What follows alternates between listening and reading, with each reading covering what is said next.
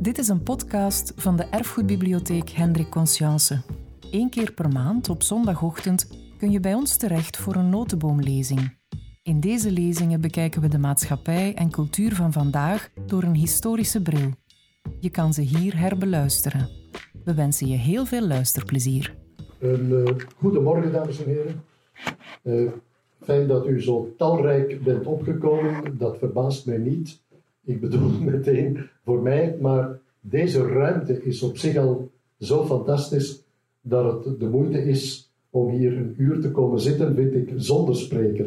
Het is uh, echt een prachtig, oh ja, overweldigend iets. Voor mij is het de eerste keer dat ik hier in deze ruimte ben. En om het inderdaad te hebben over de muzen in de 19e eeuw. Toen de organisatoren mij vroegen om dat te doen, heb ik mij toch heel even meteen in de haren gekrapt. Want de 19e eeuw was zeer lang. Ik bedoel, hij was niet langer dan de 18e of de 20e. Uh, en de muzen in die tijd waren zeer grillig, zoals ze dat altijd zijn. Niet alleen bij ons, ook in de rest van de wereld. Maar het is een periode waarin in de muziek zeker erg veel is gebeurd. De 19e eeuw is de eeuw van, tja, de nog wat voortlopende klassieke periode, de periode van Mozart, die dan al wel is overleden, maar ook van Haydn, die nog tot in 1809 uh, eh, leeft en werkt, van Beethoven, die zeker in zijn eerste periode ook tot die klassieke sfeer mag worden gerekend. Het is natuurlijk de eeuw van de romantiek, uh, van de laatromantiek, van de vroegromantiek tot de laatromantiek, in alle schakeringen, met Schubert, met nogmaals Beethoven, met Schumann, Brahms, Berlioz, noem maar op, verder, later, uh, Bruckner, Mahler ook nog. Het is ook de eeuw van het grote opera-repertoire. Met de grote Italianen Verdi, Rossini, Bellini, Donizetti, noem maar op. De grote Franse meesters, Bizet, Gounod, om er maar twee op te noemen. Uh, de eeuw van Richard Wagner, uiteraard, ook van Weber. Er gebeurt dus uh, ontzettend veel in die tijd. En niet alleen dat, het is ook de eeuw van de wals en de eeuw van de operette. We weten dat in 1815 uh, in Wenen het congres van Wenen plaats had, waarbij Europa herverdeeld werd en dat men daar in de marge van alle politieke en diplomatieke besprekingen, dat men daar geweldige feesten organiseerde, met veel eten en met veel drinken en met veel muziek. En men zegt, ja, dat is wellicht de periode waarin de wals tot zijn grote bloei is gekomen, met daaruit voortvloeiend dat grote, enorme genre operette met een Johann Strauss, allebei, met Offenbach in Frankrijk. Ook dat is er gebeurd in die 19e eeuw. Maar er is meer dan dat. De 19e eeuw is ook al, en dan niet alleen qua muziek, maar ook wat betreft andere kunsten, de eeuw van het impressionisme. Als we even een kleine vergelijking maken met um, andere kunsten, dan zien we dat tot in de late 19e eeuw dat schilders figuratief werken. Wij kunnen altijd herkennen wat zij schilderen. Een mens, een dier, een landschap, een stil leven. En natuurlijk, in de loop van de eeuwen evolueert er erg veel. Maar men blijft altijd duidelijk figuratief schilderen. Plots, eind 19e eeuw, daagt daar dat impressionisme op. En daarin wordt dat precies allemaal een beetje minder duidelijk. We zien wel dat het een zee is, met een lucht daarboven, maar waar die zee eindigt en die lucht begint, is niet altijd duidelijk. En is dat niet een schip dat daar drijft en een vlag? Ja, weet u, het is allemaal nog figuratief, zeg maar, herkenbaar. Maar het wordt allemaal een beetje losser. De contouren worden allemaal minder duidelijk. Hetzelfde gebeurt in de muziek. Tot dan toe hebben we een muziek die natuurlijk in de loop van de eeuwen sterk is geëvolueerd, maar die altijd gebaseerd blijft op de basiskenmerken ervan, namelijk melodie, harmonie, volgens bepaalde klassieke regels, nogmaals, die wel veranderen, maar toch altijd herkenbaar, beluisterbaar blijven. Met de impressionisten, Debussy, uh, op kop en misschien daarvoor al zelfs een Frans Liszt, nog een van die uh, grote romantici, valt de melodie en de harmonie zoals men die kent eigenlijk een beetje uit elkaar. U weet, een Debussy begint aan een melodie, maar beëindigt die niet, spreekt daar weer over op iets anders. Het wordt, net zoals in de schilderkunst, allemaal een beetje onvloerster met veel minder duidelijke contouren. Ook dat maakt deel uit van die 19e eeuw en de muziek. En we houden het natuurlijk, want je moet je onderwerp toch een klein beetje beperken, bij de zogenaamde klassieke muziek. U hoort, ik heb die eerste paar minuten een aantal namen opgenoemd. Daar zijn geen Vlaamse en geen Belgische namen bij. Waaruit we onmiddellijk al bijna kunnen concluderen dat wij in die periode geen ontzettend grote meesters hebben afgeleverd van envergure van een Beethoven of Liszt of uh, noem maar op. Wat dan ook weer niet betekent dat er bij ons op muzikaal vlak niets zou zijn gebeurd. Maar de grote bloeiperiode, die is voor ons voorbij. Die hebben wij gekend met, uh, zoals u allemaal weet, met de Vlaamse polyfonisten, om ze maar ergens in te kaderen in een tijdsschema van 1450 tot 1600, zeg maar uh, ruim geschat, waarin wij met een Ogegen, met een Lassus, de Roore, Willaert, uh, noem maar op, echt wereldleiders waren in de muziek. Het schema was meestal hetzelfde. Je had jonge kinderen met mooie stemmen die in de kerkkoren gingen zingen, de grote of de kleine kerken navenant. En daar kregen ze, wat sociaal heel belangrijk was, niet alleen zangopleiding, maar ook een ruime muzikale opleiding en een algemene opvoeding. Dus voor veel mensen was het erg fijn en belangrijk dat zij hun kind in zo'n kinderkoor konden onderbrengen. En dan gebeurde wat er vaak gebeurt: de hele goeden, de grote talenten gaan door, gaan naar de grote, belangrijke kerken en maken daar carrière. Dat was bij ons zo. Onze Vlaamse polyfonisten maakten carrière niet alleen hier in de grote kerken in, Antwerpen en Brussel, maar tot in Rome, Parijs, al Wenen, München, alle grote plaatsen domineerden zij eigenlijk de muziekwereld. Die periode, die is eigenlijk voor ons voorbij. En als we eerlijk zijn, uh, wij hebben sindsdien nooit nog zo'n muzikale bloei gekend. Er zijn natuurlijk mensen, en iedereen zal daar een andere opvatting over hebben, maar een van de mensen bijvoorbeeld die een beetje vergeten is en die misschien wel bij die grote had kunnen horen, is naar mijn gevoel uh, Pieter van Malderen. Dat is een naam die wij nu nog weinig horen, maar ik constateer tot mijn groot genoegen dat ik er niet alleen zo over denk, maar dat er de laatste tijd uh, erg veel belangstelling is voor zijn muziek. Hij was een tijdgenoot van Haydn. Bepaalde werken van hem werden aan Haydn zelfs toegeschreven, omdat ze zo dicht bij elkaar lagen, qua sfeer, qua structuur, qua opbouw, qua instrumentatie.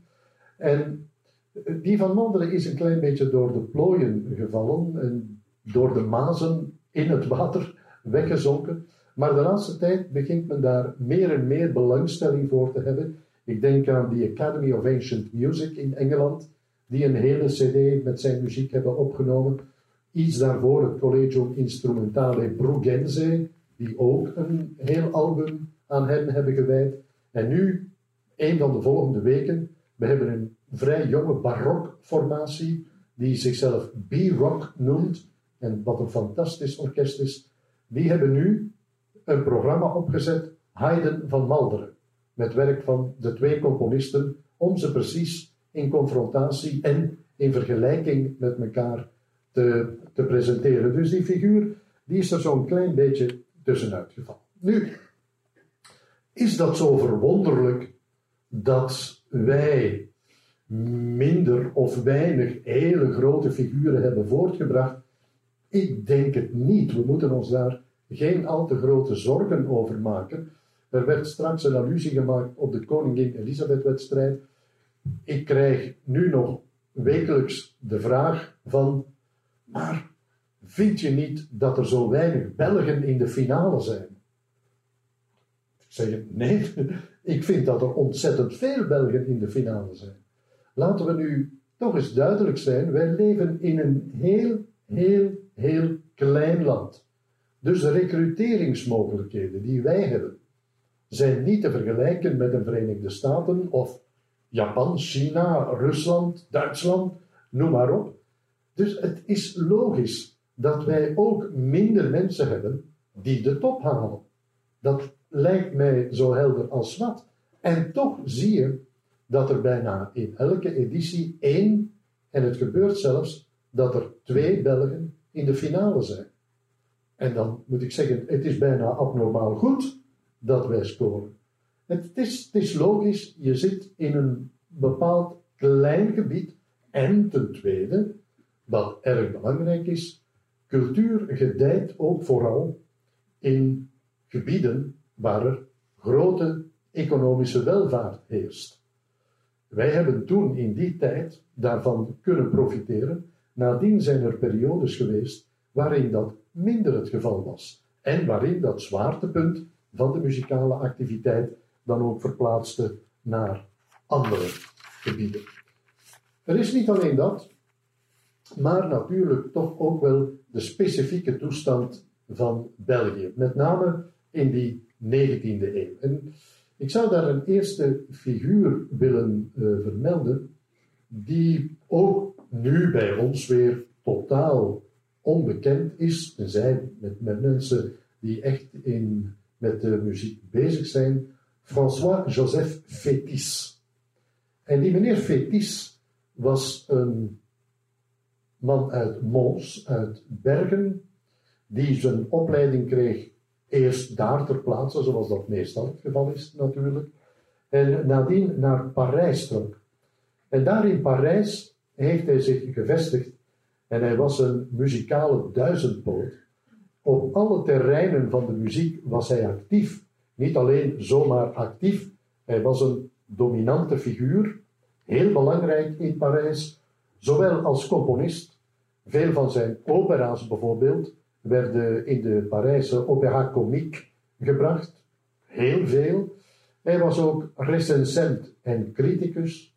Hij was een theoreticus. Hij was een pedagoog, schreef veel over muziek. Enfin, hij was zowat met alles bezig. hij was een, wel een heel conservatief man. En dat bracht hem in het Parijs van die dagen in conflict met een van die jonge revolutionaire geesten die we nog wel kennen, Hector Berlioz. En Berlioz schrijft in zijn memoires, dat is trouwens echt heel fijne literatuur, om ja, u een beeld te vormen van die tijd en van, van hemzelf in de eerste plaats natuurlijk. Hij schrijft in dat boek, ehm, ik citeer hem niet letterlijk natuurlijk, maar daar komt het wel op neer. Hij zegt toen in mijn jonge tijd, om wat bij te verdienen, werkte ik voor een uitgever, voor een drukker, muziekuitgever, die partituren op de markt bracht.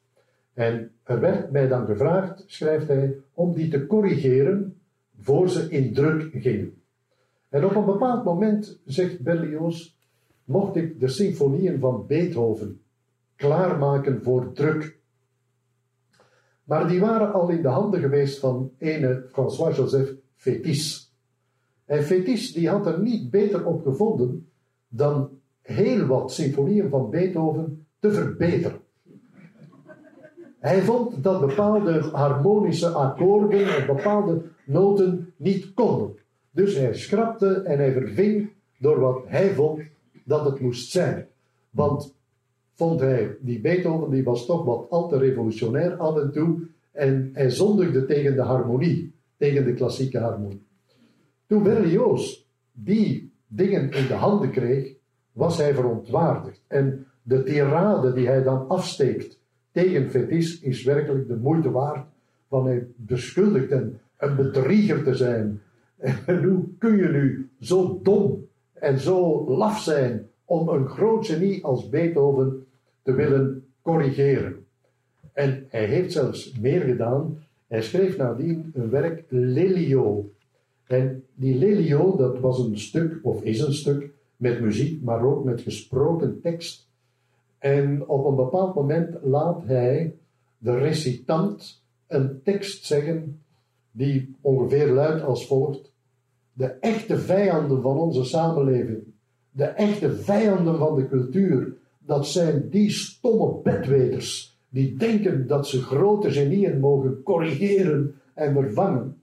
Terwijl dat stuk in, première ging, zat Fetis in de zaal.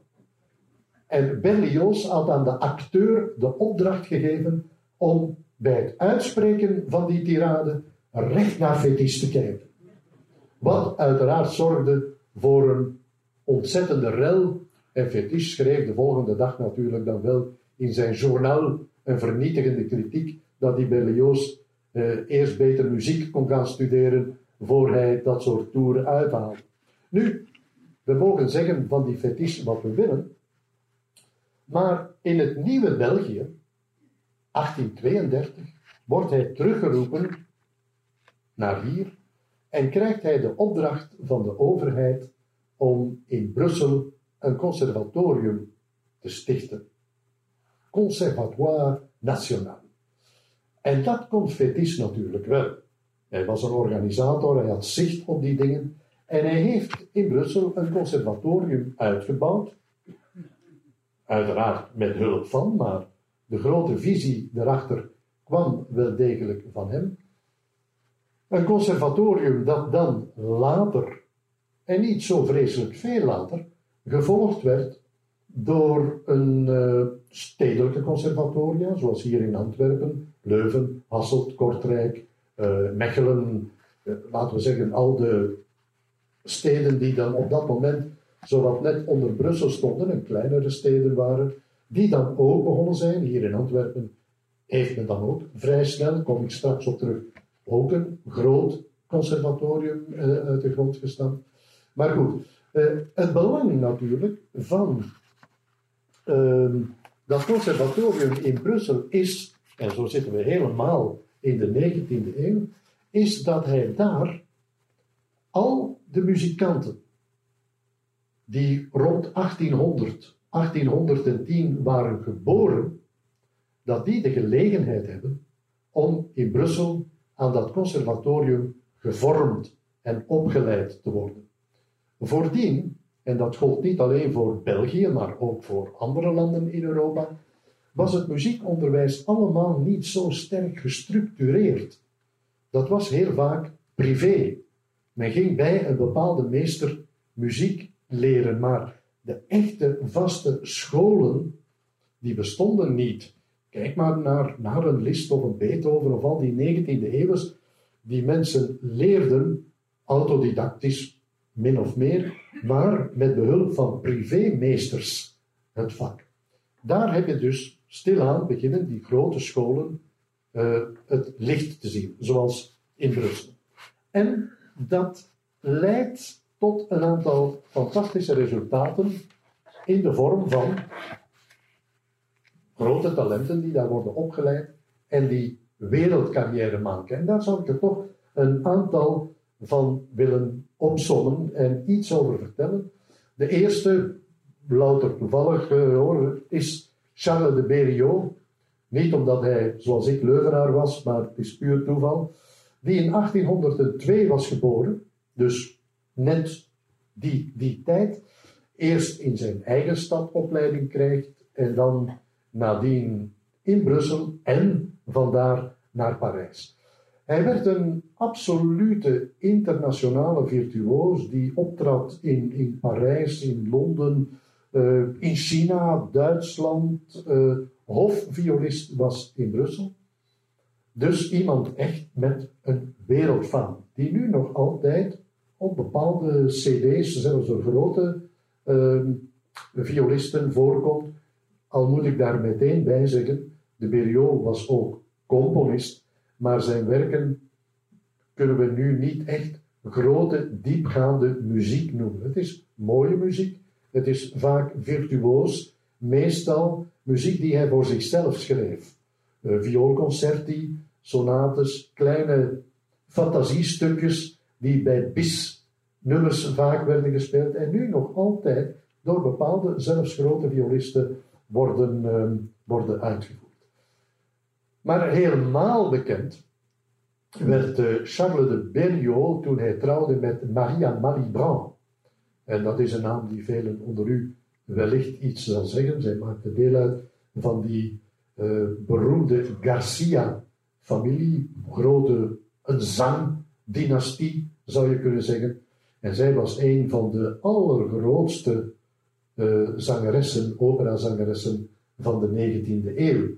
De ontmoeting tussen Charles de Berriot en uh, Maria Malibran, de 19e eeuw, dames en heren, geeft uh, aanleiding tot heel wat fantastische verhalen, waarvan er sommigen waar zijn en sommigen niet waar. Sommigen vertellen dat tijdens een bepaalde operavoorstelling Malibran de rol zong van Desdemona. En op een bepaald moment beweegt ze zich over de scène en valt ze in de orkestbak op de schoot van, van de Berriot. Ja, u weet, dat is niet waar. Desdemona heeft zij nooit gezongen. De Berriot was een solist die nooit in een operaorkest heeft gezeten. Dus dat is niet waar. Een ander verhaal gaat dat na een recital van de Berriot in Parijs, Malibran aanwezig was en dat ze na afloop hem ging complimenteren. En ze zei: Meester, ik heb zeer van uw muziek genoten en ik bewonder uw vioolspel. Dank u, zei Berlioz. Eh, de Berlioz liever. Die namen gelijk nogal op elkaar. Um, waarop zij, als een diva, meteen toch het heft in handen nam en zei: Maar alleen onnozelaar, snap je nu niet dat ik bedoel dat ik verliefd op u ben? En dat is een tweede verhaal. En dat zou meer waar kunnen zijn. Maar hoe het echt gegaan is, dat laat ik, uh, dat laat ik in het midden.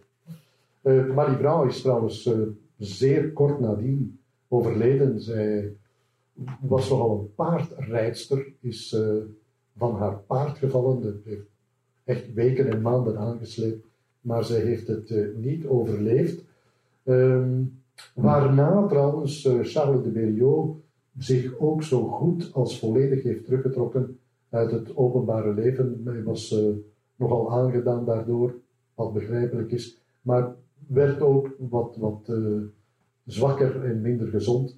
En hij heeft zijn openbare carrière dan zo goed als afgebroken, maar is wel met zijn viool blijven verder gaan, vanzelfsprekend.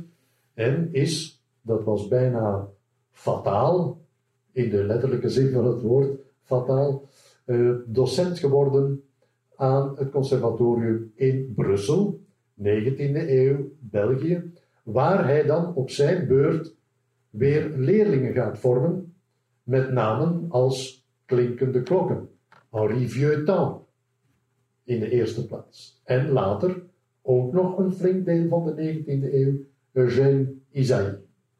Hele belangrijke figuur.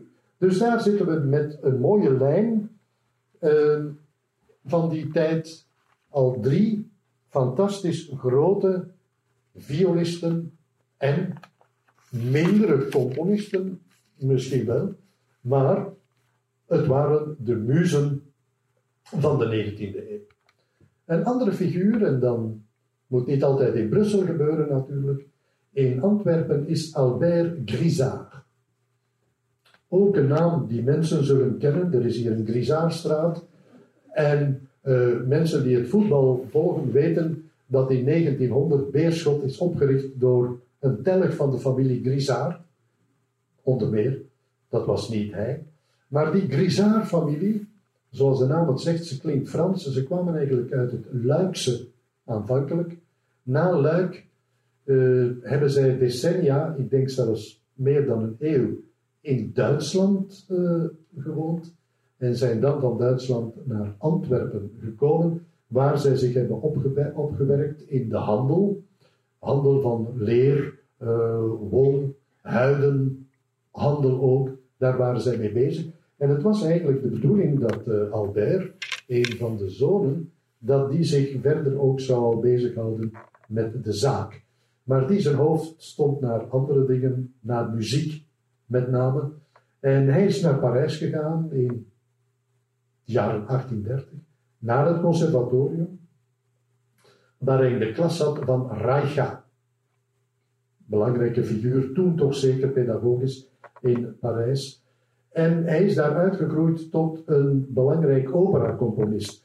Uh, Le Mariage Impossible is een van zijn opera's en kreeg ook een uitvoering in de munt in Brussel, wat toch wel iets betekende. En in Parijs heeft hij zeker twintig opera's gehad, die daar werden opgevoerd. En niet zomaar, maar L'eau merveilleuse, het fantastische water, was een van zijn opera's. En rommels vertellen dat die niet helemaal door hem zou geschreven zijn, maar door Friedrich von Flotto. Een bekendere naam die nog wat overblijft, ook niet zo, niet zo fantastisch bekend meer is, maar toch. Maar goed, die uh, O Merveilleuse, die heeft in Parijs wekenlang, dag na dag gelopen, telkens voor volle huizen. En dat moest je, dames en heren, in die tijd verdienen. Want wij gaan nu naar de opera, of wij krijgen in het begin van het seizoen uh, het programma van de opera in handen. En dan zien wij, er zijn dit seizoen tien voorstellingen. En um, al die voorstellingen worden een keer of tien gebracht. Wij weten dat die zullen doorgaan. Hoe dan ook. Als er volk zit, zit er geen volk, maakt niet uit. Die voorstellingen gaan door. Gelukkig in onze opera's zit volk. Het gaat eigenlijk erg goed wat, uh, wat belangstelling betreft. Uh, maar uh, ja, in die tijd was het zo dat een opera werd geproduceerd, die werd op de scène gebracht. Wanneer men na drie, vier dagen merkte dat daar geen kat op afkwam, dan werd het gewoon van de affiche gehaald. Want men kon zich niet permitteren om daar een aantal dure zangers en vooral dure zangeressen um, te betalen zonder publiek. Men had op dat moment het idee van de subsidieregeling nog niet. Dus die mensen moesten zelf letterlijk hun succes verdienen door het publiek dat erop afkwam en dat tickets kocht. Dus wanneer Grisard daar in Parijs een opera wekenlang kan laten lopen, dan moet dat toch wel de moeite waard zijn geweest. En dan permitteer ik mij om even tussendoor een bedenking te maken ik zei net, onze operahuizen doen het goed um, qua publieke belangstelling. Maar wat mij choqueert, om niet te zeggen, ik, word, ik ben een mens die niet, makkelijk, niet gemakkelijk boos wordt. Maar toen ik in het begin van dit seizoen bijvoorbeeld het programma van de Vlaamse opera kreeg, het eerste wat ik altijd ga doen is kijken, is er iets Belgisch, is er iets Vlaams bij? Wel, ik zag daar geen enkele Belgische zanger. Ik overdrijf even, ik zal meteen zeggen, jawel, ik zag er wel als 27e dienstmaagd of als soldaat om ergens een derde en een vierde rangsrol te zingen. En dat begrijp ik niet van een instelling die werkt met ons geld en onze cultuur zou moeten brengen, dat die alleen maar bezig zijn met andere opera's en met andere zangers en zangeressen. Terwijl wij hier op dit moment vier, vijf jonge dames lopen hebben met wereldklasse. Ik las deze week nog in Humo een uh, interview met Thomas Blondelle, jongen die tweede was in het Elisabeth Concours. En hij zegt ook, ze zullen mij waarschijnlijk in de Vlaamse opera niet goed genoeg vinden, want ik krijg daar niets. Wel, ik moet zeggen, ik vind dat schandelijk. En eigenlijk zou men daar straffen op moeten zetten, dat als men dat niet doet. Ik ga even terug naar onze Albert Grisard. Nu weet ik wel dat die operas van Grisard, wij kennen ze alleen maar van over te lezen, want je ziet en hoort die nooit, die zullen waarschijnlijk wel gedateerd zijn. Dat kan ik mij voorstellen. Maar hij heeft bijvoorbeeld een opera geschreven, L'an 1000, het jaar 1000, over hoe mensen voor het jaar 1000 bang waren van dat magische jaar dat er aankwam. Zoals bij ons het jaar 2000. Het blijkt dat niet de kloppende mensen in de middeleeuwen waren blijkbaar bang van het jaar 1033. Het duizendste jaar na de dood van Christus. Goed, dat even tussen haakjes.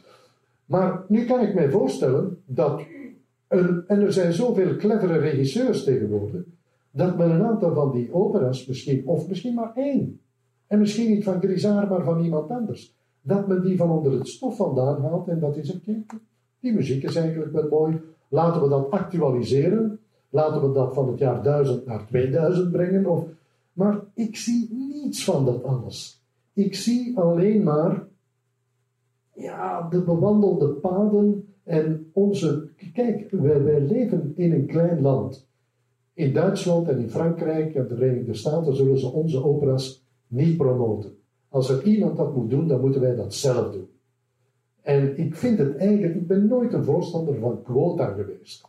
Maar eigenlijk vind ik nu meer en meer dat men voor een aantal dingen, zeker binnen de perken van het aannemelijke, quota zou moeten opleggen van er moeten. Ja, als, als wij zangers hebben om bepaalde posities te bezetten in een opera, moeten wij geen Schmidt of geen Johnson uit, het buitenland gaan halen. Ik weet het, wij leven niet meer onder de kerktoren en de tijd is voorbij dat wij dat alleen maar met onze eigen mensen moeten doen. Dat is ook kortzichtig.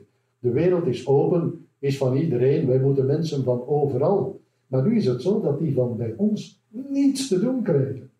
Ik, bijna niets. Er zijn wat, wat zoals ik net eh, zei, wat, wat, kleine, wat kleine dingen. En dat vind ik uh, verschrikkelijk jammer eigenlijk. We zitten nu in de opera. En dat is natuurlijk in die 19e eeuw een belangrijk gegeven. Om te beginnen de munt. Munt die in 1817 volledig werd vernieuwd. Nadien is afgebrand, heropgebouwd, dat wel. Maar die eigenlijk vanaf die tijd een hele belangrijke opera is geweest.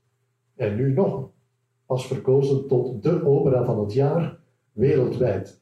Dat wil toch niet zeggen. Er is in die tussentijd natuurlijk uh, ook wel een periode van verval geweest, maar we hebben het nu over de 19e eeuw. En in die 19e eeuw was de munt in Brussel ook een operahuis van belang. Het zal u niet verbazen natuurlijk dat de connecties tussen onze muziek en artistieke wereld nogal nauw aanleunt bij Frankrijk. Dat was ook historisch bepaald, ook geografisch, door de ligging en door die as Parijs-Brussel. Maar wat gebeurt er? Dat heel wat operas die in Parijs flops waren, een tweede kans kregen in Brussel. Ik denk aan een Faust van Gounod, een Carmen van Bizet, en daardoor nieuwe adem krijgen. Dat betekent dat men in Brussel waarschijnlijk toch inzag van daar zit wel iets in die opera's, dat moet dat men een goed oog had voor talent en voor iets wat waarde had. Krijgen een tweede kans hier en zijn vertrokken. Het zijn trouwens werken die nu nog altijd op de affiche staan. Ik zal niet zeggen dat dat dankzij de munt is zover wil ik niet gaan. Maar het was in die tijd toch wel duidelijk dat zij, zij dachten van, die opera's die hebben wel veel potentie. Een ander soort opera's waren diegenen die in Parijs als te modern werden beschouwd. Wij hebben wel eens de neiging om te denken dat het net andersom is. Dat wij wat achterop hinken en dat men uh, elders veel progressiever is. Dat is niet waar, hè? Ook nu niet. Wij moeten niet opkijken naar de Metropolitan van New York of naar de Scala van Milaan. Wij doen het beter. Maar goed, dat is, dat is een, uh, een bedenking terzijde.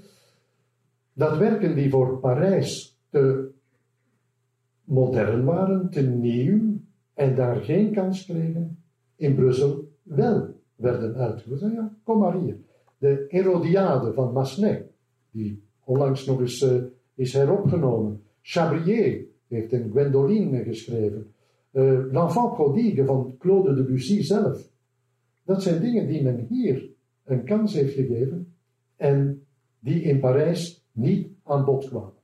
Wat niet betekent, ik verwijs zeven naar Frankrijk en zo, en Parijs, eh, dat men alleen die opera's deed. Men had hier ook wel oog en oor voor het internationale repertoire. Grote opera's van de Italiaanse componisten of van een Wagner, bijvoorbeeld een Lohengrin, om maar iets te zeggen, worden niet veel, na, niet veel later na hun première ook in Brussel gebracht.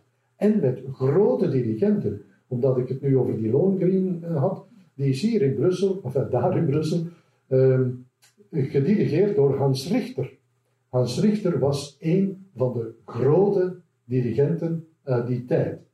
Waarmee ik nogmaals, en dat is een beetje de rode draad, uh, wil zeggen, het cultuurleven bij ons, al kennen we daar niet zoveel over, was niet dood. Dat leefde. Alles kwam naar hier. Wij, kwamen, wij konden alles meemaken. Ook de eigen opera's, Peter Benoit, werd in de munt geprogrammeerd. En nadien kreeg je natuurlijk ook uh, Antwerpen en Gent. En dat is historisch zo gebleven. Nu nog de twee steden van de Vlaamse opera. In Antwerpen had je Italiaanse, Franse opera. Dus haakjes, wat ik nu doe is een beetje een synthese van dingen waar al vaak over geschreven is. Uh, het echtpaar Baak, bijvoorbeeld Jan de Wilde van het Centrum, uh, Muziekcentrum, um, hebben erg veel dingen geschreven, ook kleine, gedetailleerde over het concertleven van die tijd tot die tijd en zo verder. En daaruit blijkt ook telkens dat wij hier ja, vrij veel te doen hadden en vrij veel konden meemaken. Dus je had die Italiaanse, die uh, Franse opera, en dan onder impuls van een Peter Benoit is dan dat uh, Nederlands lyrisch toneel op poten gezet, waaruit dan, laten we zeggen later, de Vlaamse opera is uh, gegroeid. En waar men voor de Vlaamse componisten in die tijd uh, wel belangstelling had. En nogmaals, niet alleen voor die Vlaamse componisten, ze waren niet zo kortzichtig, maar uh, in elk geval, ze kregen mooie kansen. Even terug naar het Conservatorium van Brussel met uh, na de nog een andere grote. En laten we voor de verandering eens een ander instrument nemen. Uh, Adrien François Servet, man uit Halle, cellist, die in Brussel werd opgeleid uh, en nadien, het verhaal herhaalt zich, naar Parijs trok, daar als jonge cellist debuteerde en meteen met een enorm succes. Hij is de cellist van de 19e eeuw geweest. En daarmee bedoel ik niet alleen bij ons, maar wereldwijd. Men noemde hem, en god, wat betekent dat? De Paganini van de cello. Weet men, schooit nogal gemakkelijk met bloempjes en met titels, maar als men in der tijd Servet de Paganini van de cello noemde, dan zal dat niet gratuit zijn geweest. Dus er zijn getuigenissen genoeg van mensen die hem hebben horen spelen, van groten die hem hebben horen spelen, die getuigen van zijn uh, groot talent. Ook hij was niet alleen uitvoerder uh, als cellist, maar schreef, componeerde ook uh, werken. Ook alweer, we moeten daar eerlijk in zijn, geen groot diepgaand werk, maar stukken voor die hij zelf speelde, uh, kamermuziek of grotere werken uh, met orkest, dat deed hij ook. Het is misschien tijd, dames en heren, als we over Servet hebben, voor een roddel. En een roddel waar ik indirect een bedoeling mee heb, maar over Servet, niet over hem, ja, over hem ook, maar vooral over zijn zoon, Frans. Hij had een zoon en daar toeren een aantal tegenstrijdige en vreemde verhalen uh, over. Hij zegt, hij was zijn zoon, dat is één stelling. Dus gewoon, Frans is de zoon van Adrien. Elders lezen, ja, maar het was zijn stiefzoon. Stiefzoon, ja. Ja, het was eigenlijk de zoon van Frans Liszt. Want u weet, Frans Liszt was wel AB, maar heeft heel wat relaties gehad en blijkbaar heel wat kinderen verwekt. Um, en dus hij zou, die Frans, zou een zoon zijn geweest van Frans Liszt en de prinses zijn Wittgenstein, waar hij een lange relatie mee heeft gehad. En die jongen is in Rusland geboren, in Petersburg, maar omdat Liszt dat niet in het publiek kon laten komen, dat hij een zoon had met die prinses, want dat was allemaal uh, een beetje verborgen, stelde hij hem voor aan Adrienne om zijn stiefvader te zijn. Dat is één verhaal. Derde verhaal is, ja ja, stiefzoon, eigenlijk List kwam regelmatig in Halle. En eigenlijk is die Frans de zoon van List en de vrouw van Adrien. dat, en daar, zijn, daar, daar, daar is een heel boekwerk over verschenen, waarin men probeert aan te duiden uh, dat het ene waar is of het andere waar is. Met data echt, echt een gerechtsdossier waar Vermassen met plezier zijn tanden zou inzetten, denk ik. Zo heel minutieus beschreven van dat kon niet, want hij is pas voor het eerst in Halle geweest op die dag en toen was die jongen eigenlijk al verwekt en dat soort dingen. Een fantastisch verhaal om te lezen. En eigenlijk niet meer dan om dit te zeggen. Als ik de naam Liszt noem, dan is dat een fantastisch grote naam in de muziekwereld. Niet alleen in de 19e eeuw, maar in de muziekwereld court. Wel nu, Misschien door die relatie, want hij kende Servet goed. Servet heeft, en misschien is dat nog een argumentje voor de derde stelling van wat ik zo net heb opgezond. Uh, moest List niet. En dan ja, wat tante kerel, een druktemaker. Uh, hij heeft er weinig goede woorden voor over. Maar in elk geval, ze hebben elkaar gekend. List logeerde daar in de buurt. En Frans List is dus in die 19e eeuw niet minder dan 13 keer in ons land geweest. Niet alleen op bezoek, maar om te spelen. Hij heeft 13 publieke concerten gegeven, overal. Antwerpen, Brugge, Brussel, in Halle zelf, in kleinere, in Luik eh, is hij geweest, Oostende. 13 keer gespeeld. Hij is uh, onder meer uh, bij Fetis, want blijft een kleine wereld, bij Fetis thuis een concertje gaan geven. En dan heeft hij in Brussel ook voor een publiek van 1200 man gespeeld. Ook dat betekent weer dat wij niet werden gepasseerd door de groten. Zij kwamen hier, zij speelden hier. Het publiek kende hen. Er waren concertverenigingen hier, privé of uitgaande van de instellingen, de onderwijsinstellingen, die het concertleven promoten. En die daarbij ook hadden voor alles wat er zich in de wereld afspeelde. Er werd meer gereisd dan wij denken. En er wordt soms wel eens voorgesteld, oh, wij zaten hier met oogkleppen en er gebeurde hier. Dat is absoluut niet waar. De meeste van onze muzikanten toen, uh, die studeerden hier, maar haalden bijvoorbeeld een Prix de Rome, wat u de gelegenheid gaf om in het buitenland te gaan studeren. Zij gingen naar Leipzig, zij gingen en ontmoetten daar Liszt en vele anderen. Zij gingen naar Parijs, waar ze weer, of naar Italië, waar ze verschillende invloeden kregen. Dat waren absoluut geen Beotiërs die nergens van wisten. Zij waren zeer goed, zij waren zeer goed op de hoogte. En ook al konden zij dat misschien meteen niet in hun muziek verklanken, dan zorgden zij ervoor dat zij die mensen uitnodigden of dat zij die muziek op de affiches plaatsten.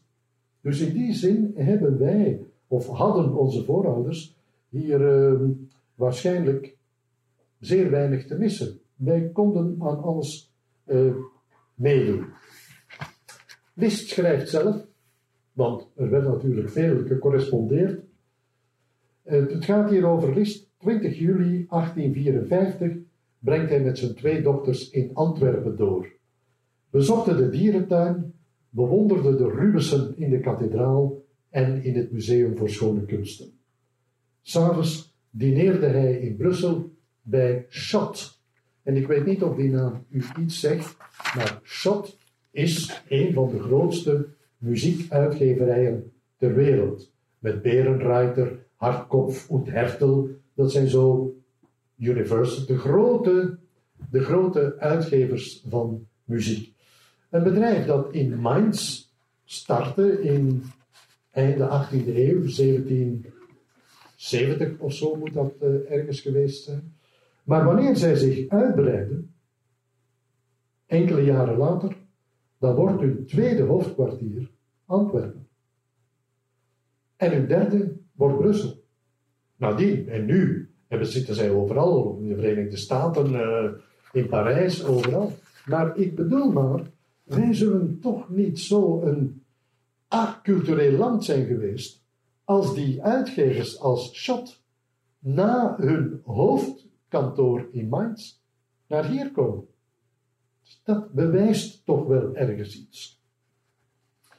Ik ga weer even terug naar die klas van de Berriot, die vieux temps in zijn klas heeft, die ook weer uitgroeit tot de violist van de tsaar in Rusland, de Verenigde Staten bezoekt, uh, in Wenen als jonge man het vioolconcerto van Beethoven speelt, dat in die tijd al ondertussen vergeten was, al was het maar tien jaar na de dood van Beethoven, of twintig jaar na de dood van Beethoven, dat concerto dat wij nu zo vaak horen, dat was volledig vergeten. Vieux temps heeft dat daar gezien, de moeite, heeft dat daar gespeeld en gerelanceerd. Zij was wat dat betreft een hele belangrijke, belangrijke figuur die uh, ontmoetingen had met een aantal groten, met Schumann bijvoorbeeld, die over hem uh, bijzonder lovend was. Um, zij maakte tournees, wereldtournees, die hij ook over de plas bracht naar de Verenigde Staten. Een van zijn kleine bisnummertjes die hij heeft geschreven is bijvoorbeeld een bewerking van het Yankee Doodle. En dat speelde hij dan als dank op het einde van zijn concerten uh, in de Verenigde Staten. En wordt ook weer, zo gaat het dan, docent in Brussel, ter opvolging van uh, de, de. Ondertussen was daar nog een andere grote figuur, nog een andere topviolist neergestreken, Wieniawski, Henrik Wieniawski, een Pool, ook een wereldviolist.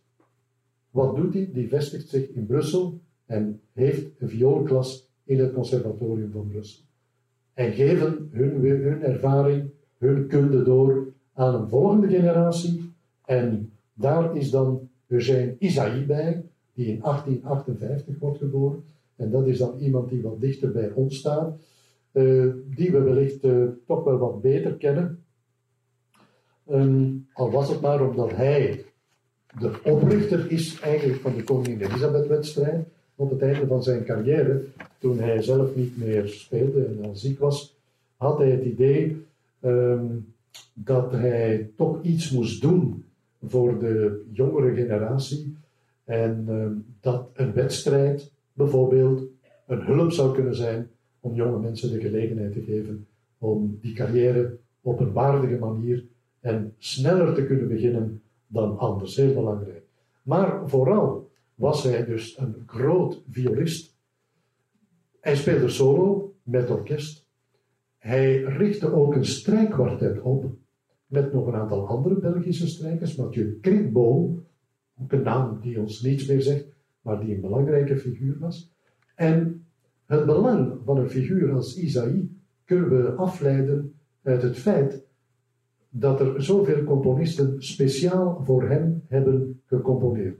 Camille Saint-Saëns, Vincent d'Indy, uh, Ernest Chausson, Gabriel Fauré, Claude Debussy. Die vonden Isaïe de max van de violist en schreven speciaal voor hem. Dus dat zegt erg veel. Ehm, dat loopt natuurlijk, die, die hele Frans-Belgische connectie, laten we zeggen dat de hoofdfiguur, zeker als we dan letterlijk over de muzen hebben, de componist, mondt dan uit in een figuur als César Franck. César Franck, die een Belg is, een luikenaar, met nog wat Limburgse voorouders, en uh, die in Parijs uitgroeit, zeer bescheiden, want hij wist het zelf nauwelijks, maar een zeer, zeer belangrijke componist die nog altijd wereldwijd, omwille van heel wat werken, wordt uh, erkend. Zijn symfonie bijvoorbeeld, om maar iets te zeggen. En de werken die hij voor, de sonaten bijvoorbeeld, die hij voor Eugène Isaïe heeft geschreven. En Isaïe en Frank, dat waren zeer goede vrienden. En uh, Frank heeft die sonaten geschreven ter gelegenheid van het huwelijk van Isaïe. En dat huwelijk, dames en heren, van Isaïe, is bijna etenstijd. Uh, dat, ik, ik zal u even zeggen wat daar op het menu stond. Mocht u nog even inspiratie nodig hebben voor, voor over een uurtje of zo. Ze begonnen met Huître Royale. Dat draagt uw goedkeuring weg. Dan potage à la reine Louise. Zal wel goed geweest zijn, denk ik. Gevolgd door turbo Hollandaise. Dan filet mignon à la radou.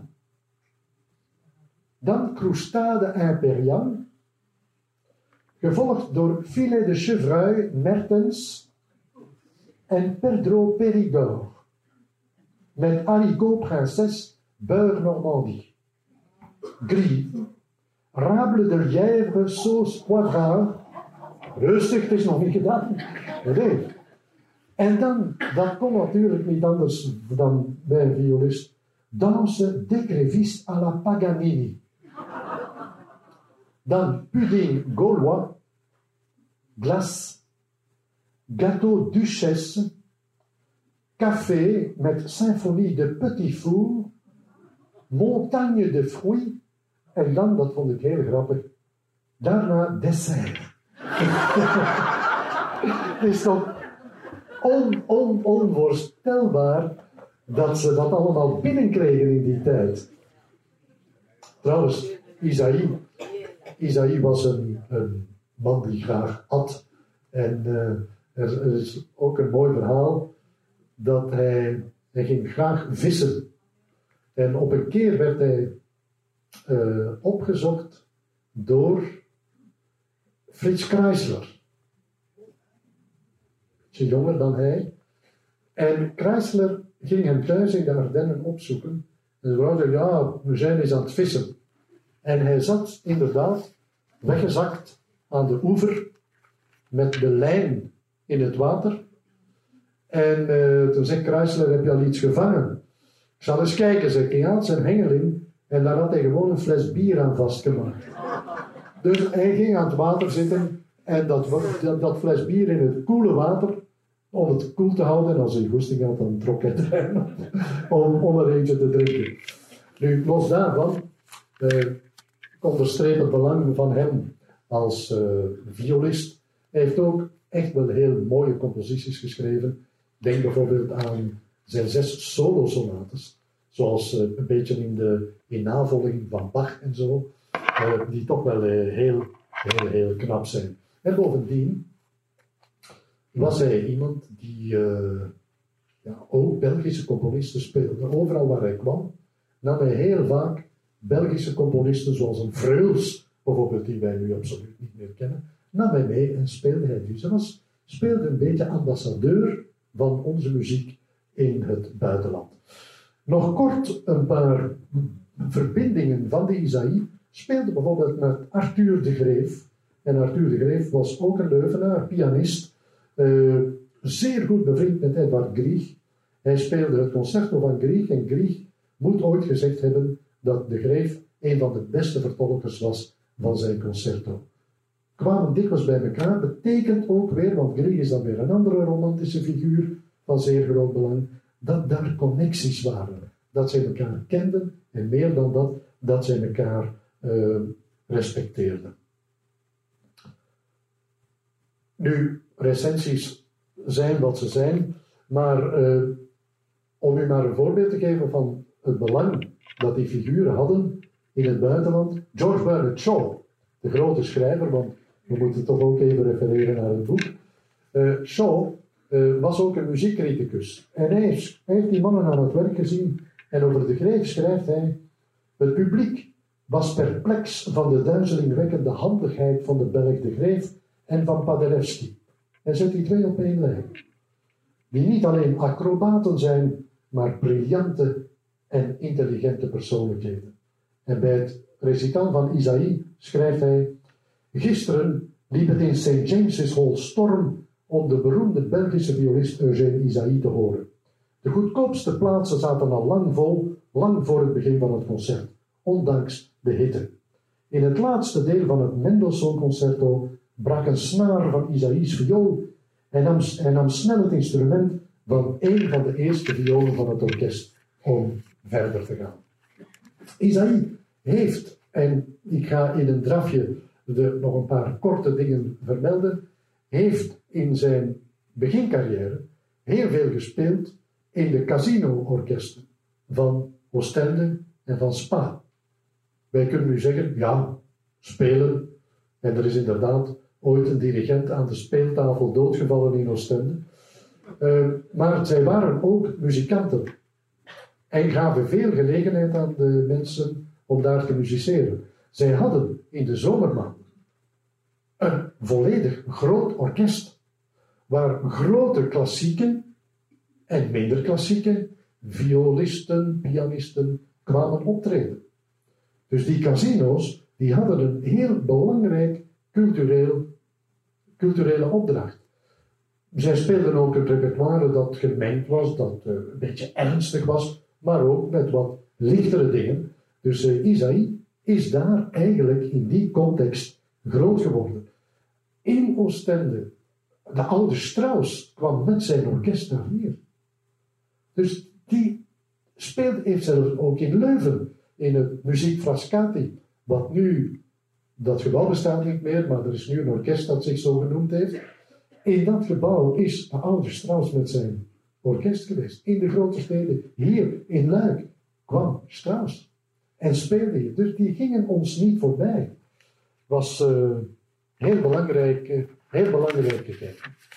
En om af te ronden, dames en heren, het is inderdaad duidelijk, als je het geheel van het exposé bekijkt, dat wij vooral, laten we zeggen, met Frankrijk te doen hebben, ook met andere landen, maar dat die as, dat die nogal intensief is. Dat is ook, denk ik, een beetje normaal. Maar er is ook een Vlaamse tak. En als je het ziet bij die splitsing, uh, de Franstalige artiesten en muzikanten, die hebben eerder gekozen voor wat men noemt het cosmopolitisme. Dat is aansluiten bij de algemene evolutie en tendens van de muziek. En cosmopolitisme, dat stond dan in de eerste plaats voor Franse muziek. Maar daardoor, als we nu de grote namen, Vieuxtemps, Isaïe, de Berriot was Leuvenaar, maar eigenlijk was hij Franstalig, César Franck, uh, noem maar op. Het zijn bijna allemaal Franstaligen. Precies omdat zij marktgewijs natuurlijk in een groep zaten die veel belangrijker was en een veel grotere uitstraling had dan het kleine Vlaanderen. Dus commercieel gezien was het interessanter om in die groep te werken en te publiceren en op te treden dan in het Vlaamse. De Vlaamstalige kant heeft zich in grote mate laten leiden door eh, de Vlaamse beweging in een groot woord. Peter Benoit op kop natuurlijk. Peter Benoit die zelf ook een, aan de vooravond van een hele mooie carrière stond. In Parijs een aantal jaar uh, dirigent is geweest van de Bouffe Parisien, ook in het buitenland werd gespeeld. George Bernard Shaw schrijft ook over de Lucifer van Benoit. En hij zei dat zijn maat naast hem sliep. en hij zei, ja, zei die maat na afloop, dat trok ook niet veel. Waarop Shaw zei, jij moet zwijgen, want je hebt de hele voorstelling geslapen. Dus, uh, maar er komt ook al eens een mindere kritiek natuurlijk naar voren. Maar Benoit die dan tenslotte toch kiest om ja, naar hier te komen, hier zijn school op te richten, die het eerste Vlaamse conservatorium uh, zal worden, die zijn muziek toespitst. Niet alleen op zichzelf, maar ook met de bedoeling een beetje volksopleiding te geven, volksverheffend te zijn. Uh, ze zijn legendarisch, moeten ze geweest zijn, die grote massaconcerten met die grote koren, met die massamuzikanten, waar iedereen bij betrokken werd, ook de muziekopleiding die we wilden opentrekken. En daardoor hebben die Vlaamse componisten, die Vlaamse muzen, zichzelf waarschijnlijk een beetje beperkt. Omdat ze niet alleen met muziek bezig waren, maar ook, en ik schematiseer nu even, want ook hier moet ik direct zeggen dat zij zich ook niet blind staarden op dat flamingantisme of die Vlaamse beweging. Absoluut niet. Ook zij gingen in het buitenland studeren. Ook zij werden in het buitenland uitgevoerd. Maar iets minder. En dat heeft waarschijnlijk daar toch mee te maken dat zij zich behalve de muziek ook een soort van missie hebben opgelegd. Dat ze in dit Vlaanderen iets extra's moesten doen, wat het pure musiceren oversteeg.